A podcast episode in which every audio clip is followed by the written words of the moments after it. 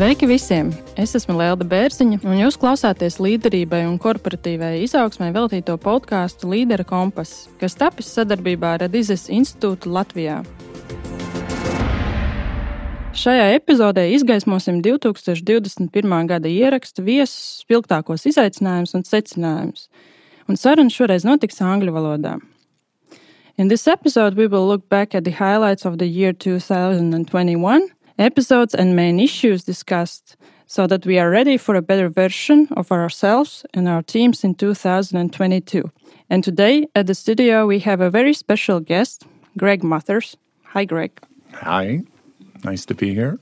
Who doesn't know, Greg is the managing director of Adizes Institute in Latvia, senior associate at the Adizes Institute, MBA director and lecturer at RBS or Riga Business School, and experienced entrepreneur, right, Greg? Most of it's right. Okay. and as well as my colleague. Uh, nice to have you here, Greg. Happy to welcome you at Leaders Compass. Oh, thanks. It's it's really an honor to get to be here, and, and I really appreciate you taking the time. I know it's a snowy day, and you had to drive for quite a while to get here. So thanks for having me, and, and I'm really glad to be here. Actually, you're uh, a part of the podcast as well.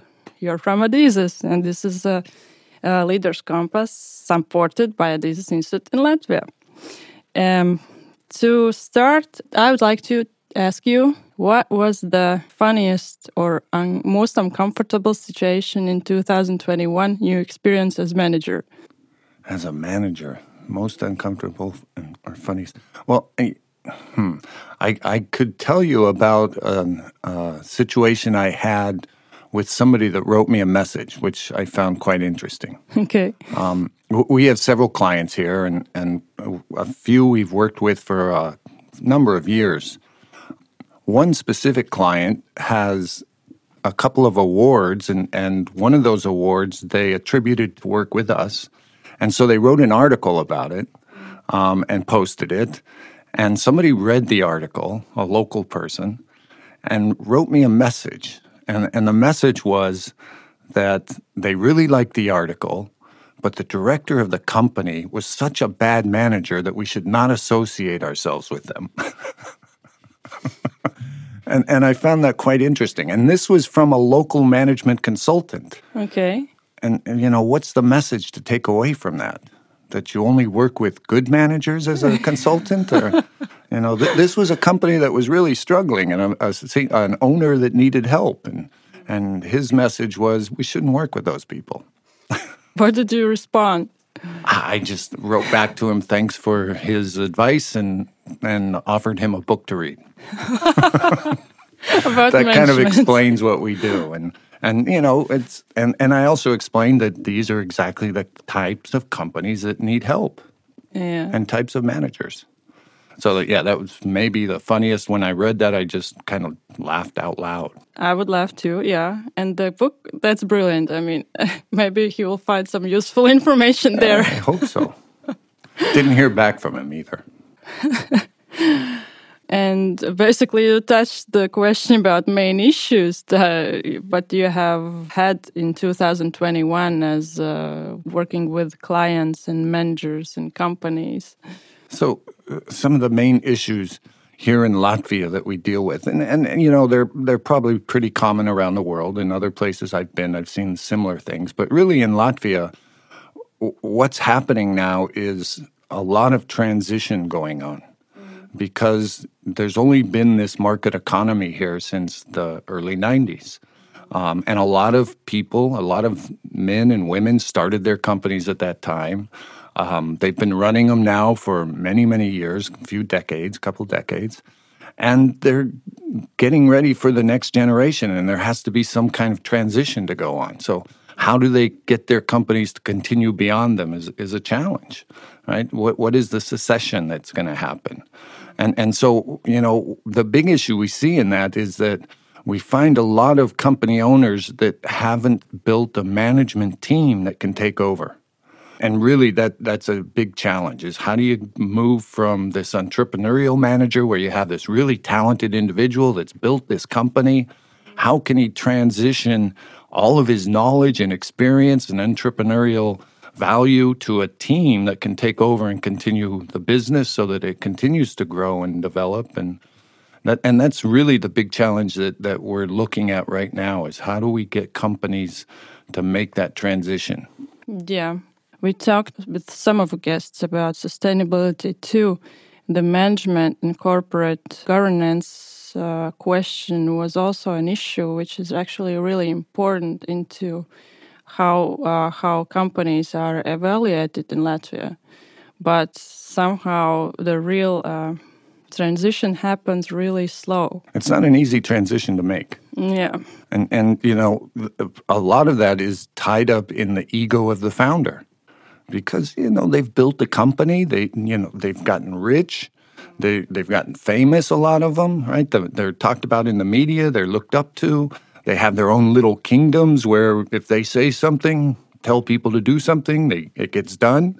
And, you know, who wants to give that up? Yeah. What about circumstances of environment? Does that affect? You know, a lot of these managers or owners, they understand that they need to make a transition, that they, they're not going to be there forever. A lot of them have become bottlenecks in the company because, you know, all everything has to go through them. You know, a lot of the major decisions. And they realize intellectually and emotionally that they need to build a management team and that they need to somehow step aside and let somebody take over.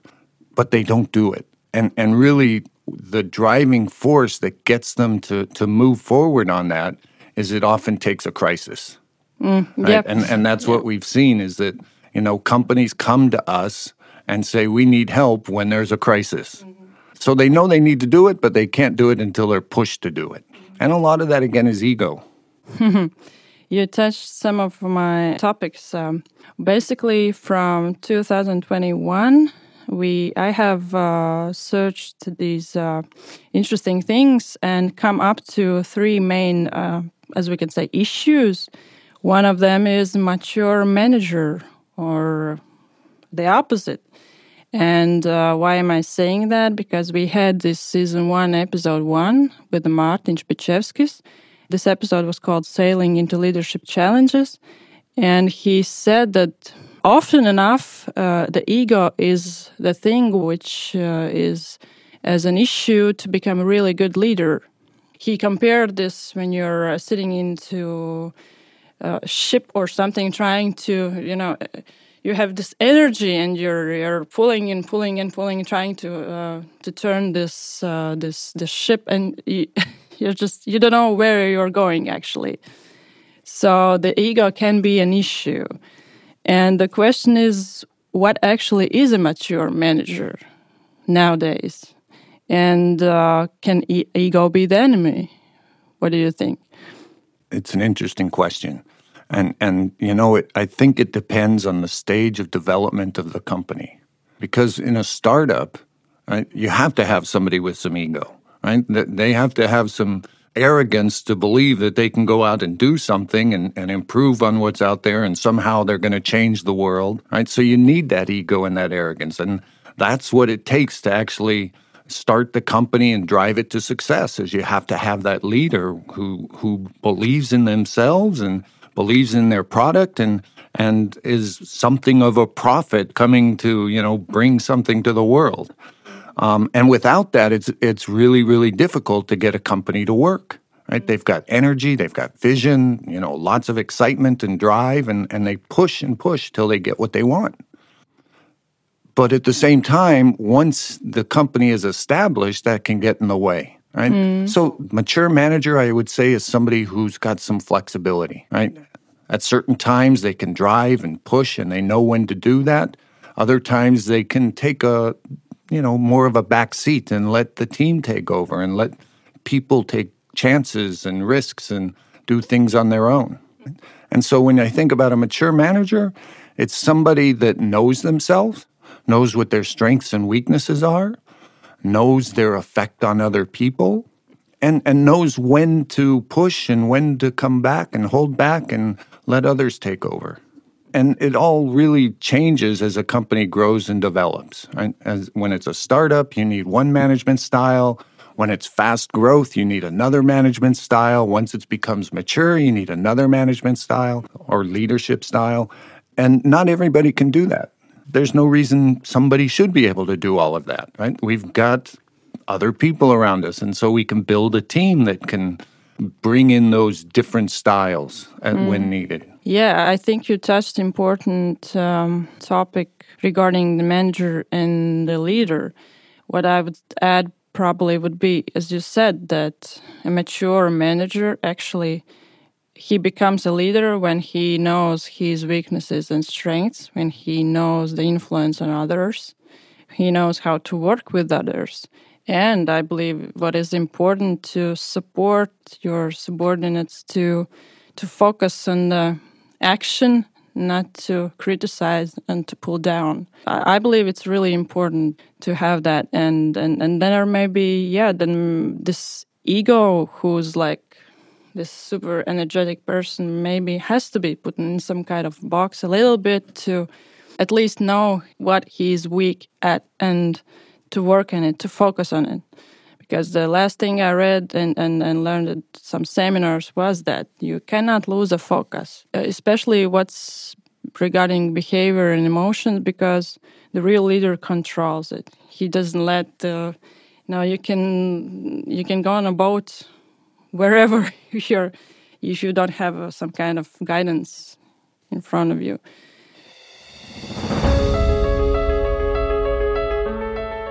What would you do, Greg, if you have uh, this immature manager in front of you?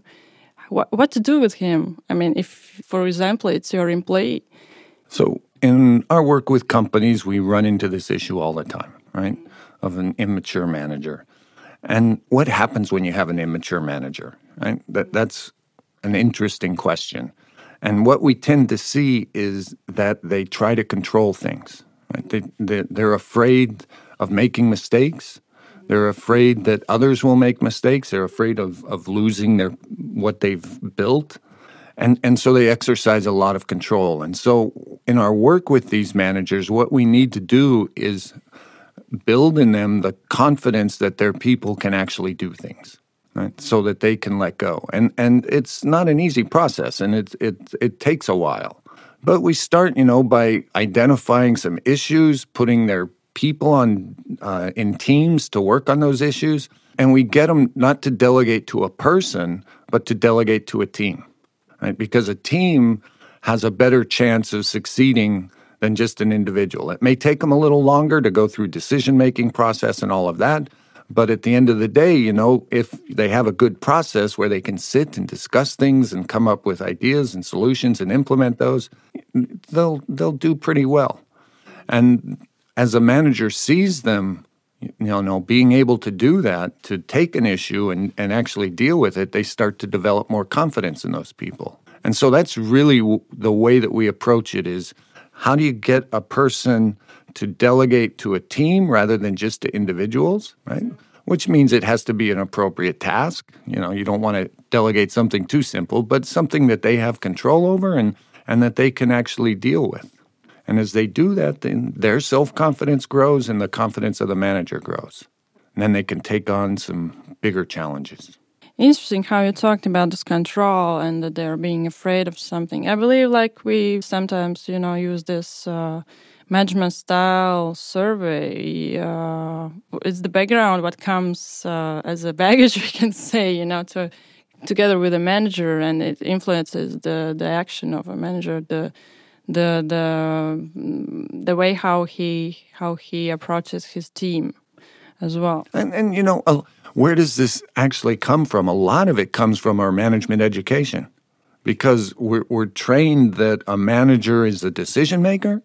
Um, we're trained that leaders are strong individuals that know the right way to go and the right things to do, and it, that that's the way management has been for a long time. That there's this you know super person that can lead, and when somebody's in a position where that's the expectation on them, it can be quite scary, and especially if they don't have the confidence. and And really, what we need to do is look at a new management model, which is not the individual leader, but more of the team based model. And we're starting to see that transition with different methodologies coming out, but it's, it's slow.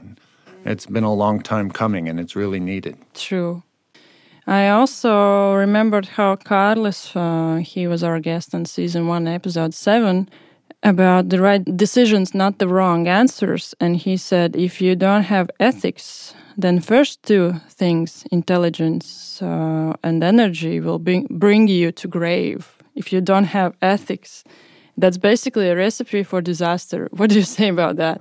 We see it all the time that you have a lot of intelligent people that are, are really ambitious and they take shortcuts.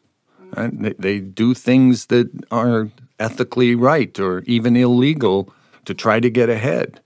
And, and it does. It ends up, you know, they get into trouble. And um, we've seen that over and over again in Latvia with different people. Right? And, and so there has to be some rules by which we play the game. And people have to play by those rules.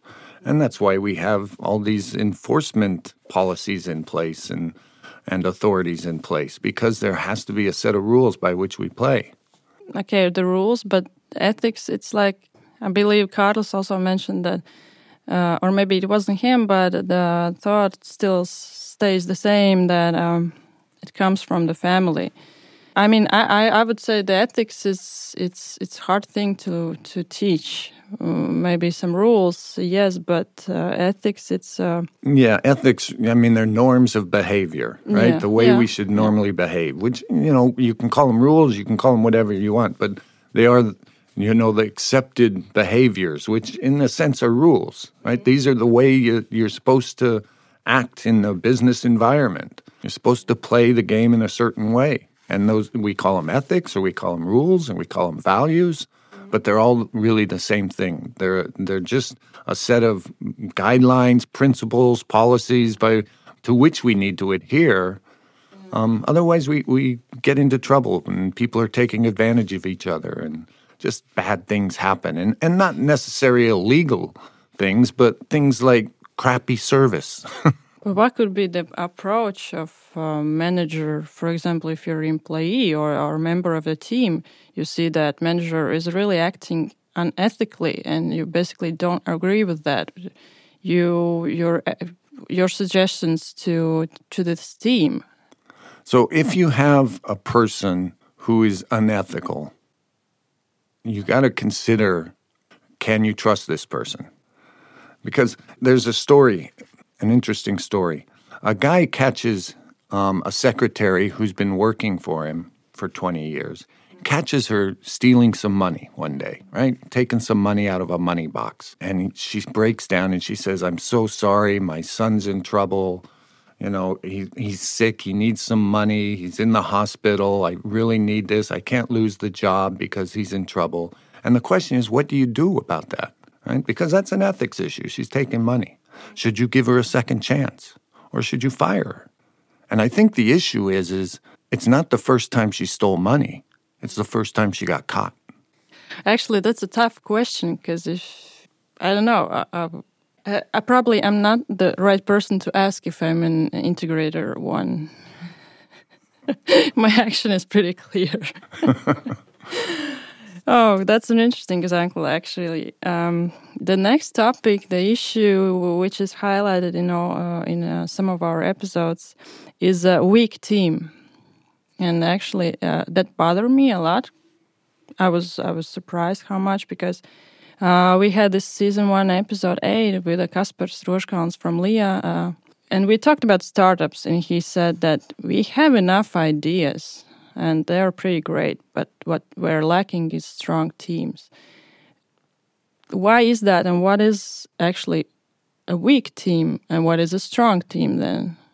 What is the difference between? You know, when when I look at teams and how they work together, th there's a couple elements to it. First of all, you have to have mature people, mm -hmm. right? You got to have people that you can trust, that you have respect for, okay? so that they can trust and respect each other because uh, only then are they really going to work together. So so that's one element. You have mature people again going back to they know their strengths, their weaknesses and so on. But then the issue is is of are they a high performing team or not mm. is really a question of the process of how they work together. That's what it is. They're only as strong as their process. Right? If they have a good, strong process by which they can sit down and analyze things and discuss things and, and agree on things, they've got a much better chance of success than if they sit down and they drift off and they're unfocused and, and they argue and fight with each other rather than, than learn from each other. So that's really the issue. Can they learn from each other or do they just fight with each other? That, that's, a, that's a big question. And, and then how do you get them so that they're engaged? Because that, that's a big issue. Process is only strong if your people are engaged in the process. And really, engagement is part of the process, and it only becomes about because you have a strong process. We have way too many meetings where you go to a meeting every week and you have you know, a, two or three people who show up and they never say anything. they come to the meetings and they're there, but they never engage. And the reason they're not engaged is because, well, there can be some psychological reasons, but it's not so hard to get them engaged. All you have to do is ask them. Just every meeting, ask them questions and force them to take part in the meeting. Don't let them just sit there. If you're going to just let them sit there and not say anything, don't invite them to the meeting because they're not adding anything.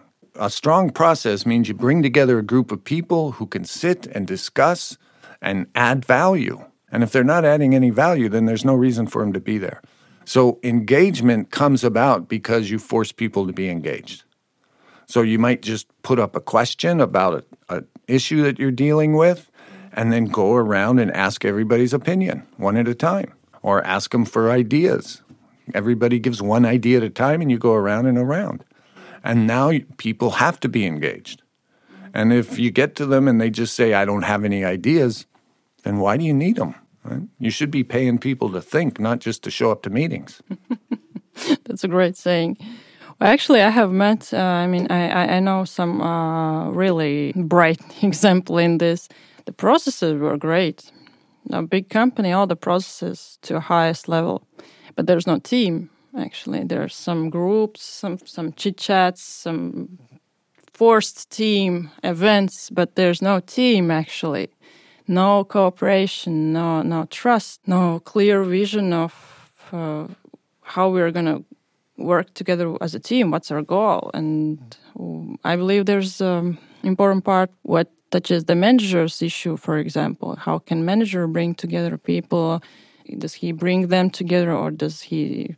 He's not even you know participating in these uh, events. So, what is the role of a manager in this uh, team building? Because uh, Kasper also mentioned that the startups are a great example in this. That actually ideas are great, but there are no no no good teams because the only one who stays at this startup usually what who brings the idea till the end is this founder or this owner of idea and and he's basically the most engaged but there's a question of bringing together the people who are right for this company and uh, they have common interests and common values is there the manager's fault or is there team's fault or whose fault is it You know, a, a startup is, is a really difficult environment. You know, it's like having a baby. Right? Yeah. I, I've, I haven't gone through that experience personally. I've been there when my wife had a baby, but but I haven't gone through that. But yeah. you know, it, it's a challenge, and, and launching a startup is a, a not easy. Um, and what it requires from the founders is, in the beginning, they have to have the vision and they have to keep it alive, and they have to keep people engaged in that. And that means giving them meaningful work. Right? I mean, letting them try things and, and go off and, and really develop something. For instance, you developing this podcast. True. That's my baby. okay. Um, and th- the founders of the company, it, it's not easy for them because they tend to be young.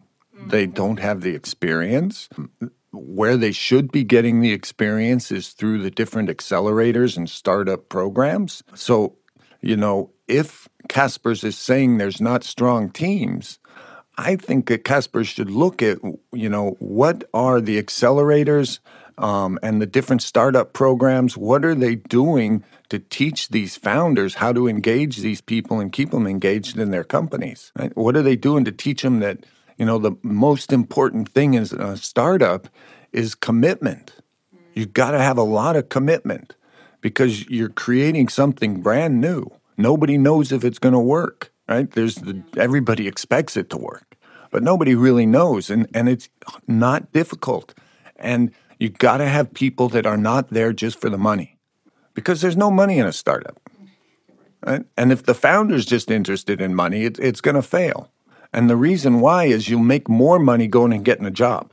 And so if your drive is money, uh, it's too easy to give up. And so the founder needs people that that are interested in creating something, right? That they have some passion for doing something to add and create value for the economy, for people, for other companies, for whoever, right? And and it's all got to be focused on we're creating something new, we're creating value, we're providing something that people need, and, and it's really important. And, and if you can do that and continuously reinforce it, and you find people that are interested in that, then you have a much better chance of success. But still, it's it's a really tough. yeah, it's, it's, it's a tough. I, to, I agree. To launch a startup and, and be successful. Uh, you know what? Uh, writers from uh, season one, episode three mentioned we talked about the risks and to getting up after after failure, and he mentioned that um, you have to have a clear agreement of uh, interaction in the team because he has an example when company, you know, he said. Uh, two people coming together. You have 5,000, I have 5,000, we have 10,000, let's uh, do the business. And then when a company grows to I don't know how million he mentioned, it falls apart. Everyone's his piece of pie, and there starts conflicts, and that's it. There's no company, and he he got up after, and uh, it's all fine. But I thought of this, you know, how can you find out that the team you have chosen can be trusted? Is it is it matter of values, which are changed? I don't know. At the beginning, how can you tell? trust really is an individual. It's individual to individual. It's not about so much trusting the team, except having confidence in can the team produce. Okay, that that's one thing.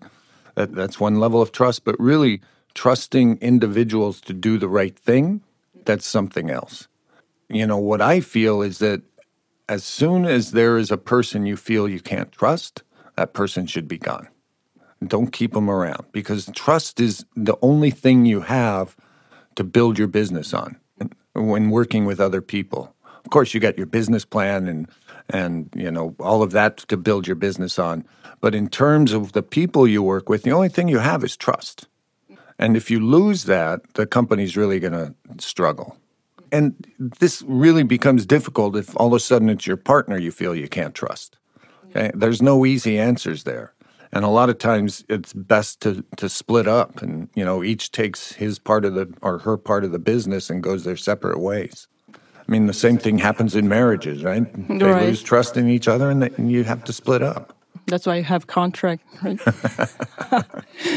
and and you know that there's in in uh, startup the founder has to be very careful of what they promise in the beginning they're really vulnerable because you know, it's a dream in the beginning and they've they've got all of this energy and they're saying we're going to build this and they can promise things like you're going to get a car and you're going to be a vice president and you're going to make a lot of money and people will remember that later.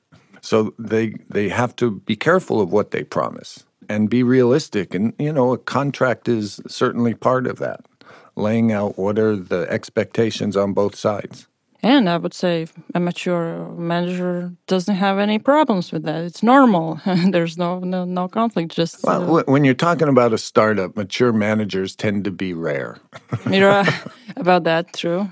And you've got a founder who probably has some business experience, and maybe they a lot of times they've been a manager, and so they may be. But you know, when you're launching a startup, who do you hire to work in it? I mean, friends, family, and fools is, is the yeah. common saying, but you, you don't hire experienced managers most of the time. there was that second group he mentioned. The one was that you know that these young uh, people coming right out uh, out of the university, and the second part when you have done something, it's about a 35, 40 something. When you have some some savings and and you're just you know maybe it's 40 year issue or something, you change your uh, workplace, you change what you do, you change the business, and you turn out to be at the startup. uh-huh what about that? That's interesting because that's I would say that that age you have to be mature already. well, th- that's certainly true. Um, and and it used to be, you know, 20, 30 years ago that most startups were founded by the people you describe, right? They've been managers for a while, they're in their 30s, 40s. But today, you know, you got kids founding companies and um, and and they, they can be really really successful. So there's good ideas everywhere. Um, they need guidance and help, and so you've seen all of these startup tools that have come about. Um, and but they, they are immature and they, they need the support.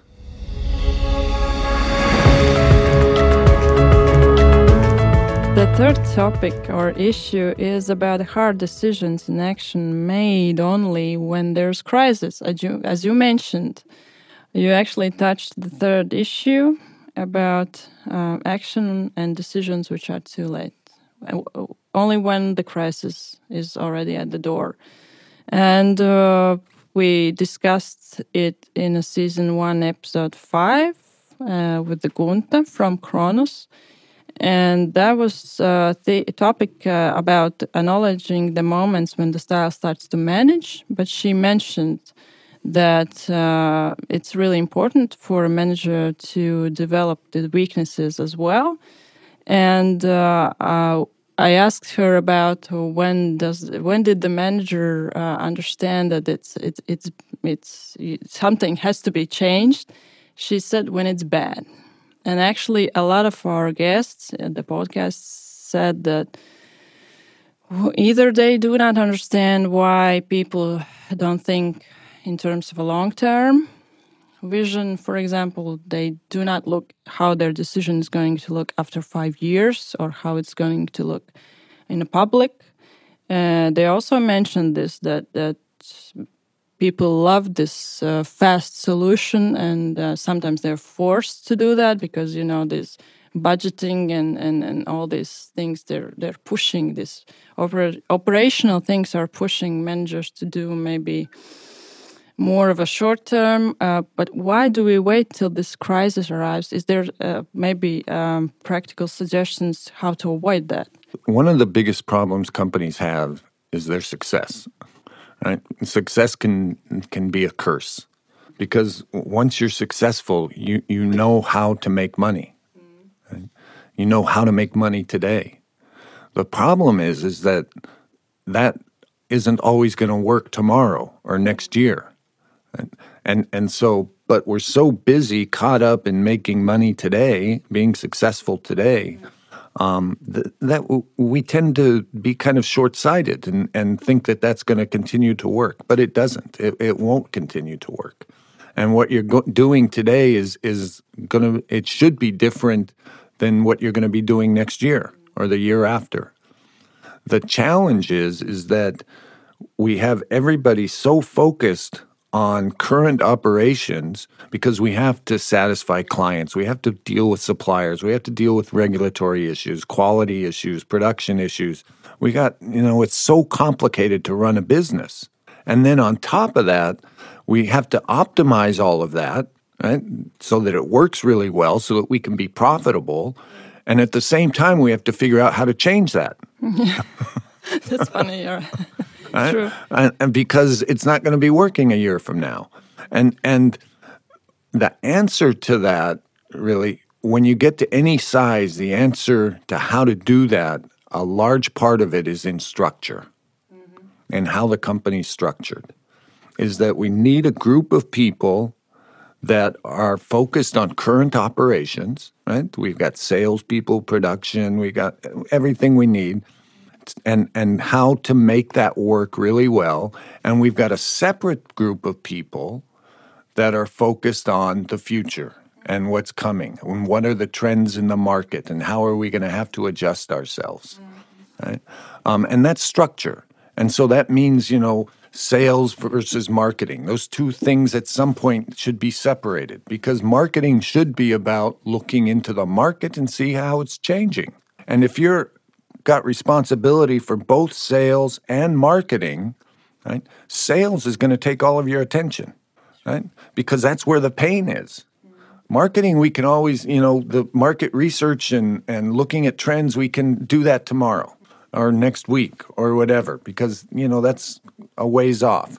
But we have to reach the sales numbers now. And if we don't you know i'm going to lose some money and i'm going to be in trouble. So you know at some point those things need to separate and so you have to identify you know what are our short-term functions in the and priorities and then what are developmental functions?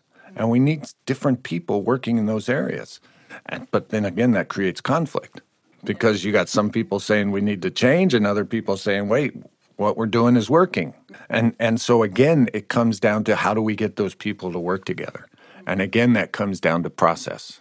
What it, how, what's the process by which we can get together and talk through things and make decisions and learn from each other so that we can move forward? One of our guests, I remember this example really clearly that he mentioned. I know it's wrong that we have uh, sales and marketing in one person, but we're a small team. We don't have a budget for that. I mean, it, I know it's wrong, but what can I do?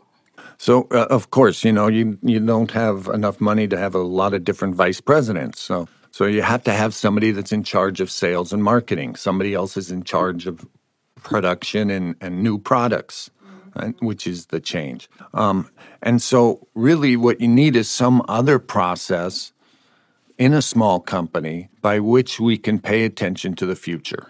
And, and so, one way to do that is just to have a monthly meeting that's set aside. You go off site and take your management team and maybe some other specialists. And, and the first month you spend the time, you're not going to make decisions here, you're just going to talk. And so you talk about the future of sales and, and how should we develop our sales department and what do we need to develop in terms of salespeople and growing the department. Next month, marketing. Month after that, uh, new products. The month after that, finance. And you have your whole management team there. Okay, so you got the people from sales and marketing, production, logistics, who, whoever, and and they discuss these things. And so what they're doing is learning more about the whole company. Right? Um, they're discussing the future of it, so that there's always energy there, looking at the future and focus on it. Um, and then whatever issues come up there, that need a decision, you can take them to your weekly management meeting, and hopefully, some they have those. yeah, I, I, can swear they have. okay, that's a good suggestion. Yeah, to to plan different meetings and uh, different processes to work on.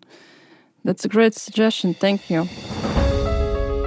We have come up to the end of uh, our recording and that's uh, dedicated to uh, new upcoming 2022. So, what is your wish or suggestion to managers and teams in 2022? So, as a manager, one of the things you need to do is constantly align your people. They need to all be pulling together in the same direction in your department and then across the company as well. And so, as a manager, when you're making decisions about what goes on in your department or in your company, and you're solving problems, what you should think about is is this solution going to bring my people closer together, or is it likely to drive them apart? Because we need people working together all the time, we need teamwork.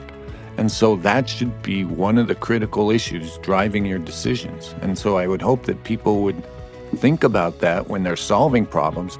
And it's not easy because, you know, there's high pressure, there's, it, there's uh, time restraints and urgency, and we have to do something right now. And we're not always thinking about what's good for the team and what's going to keep people together. But it needs to be at the forefront all the time. How do we keep this team united? Um, rather than divided, because united we stand, divided we fall. That's a great suggestion. Really, thank you, Greg. And uh, I think it's really practical as well in terms of a team, whether it brings you together or separates you from each other. Thank you, Greg, for being here and sharing your knowledge and practical uh, approaches. I wish you and all the listeners of the podcast a successful year of 2022. And thank you for listening. No, thank you, and, and all the best to you and your family and, and everybody listening for the holidays. Paldies, ka klausies podkāstu Līdera kompass. Lai nepalaistu garām jaunās epizodes, sekojiet ierakstiem Facebook un LinkedIn. Noklausīties iepriekšējās epizodes var visās podkāstu platformās un YouTube. Ja vēlaties atbalstīt podkāstu darbu, klausies pats un dalies ar tiem, kam būtu saistošs podkāstu saturs. Uz tikšanos!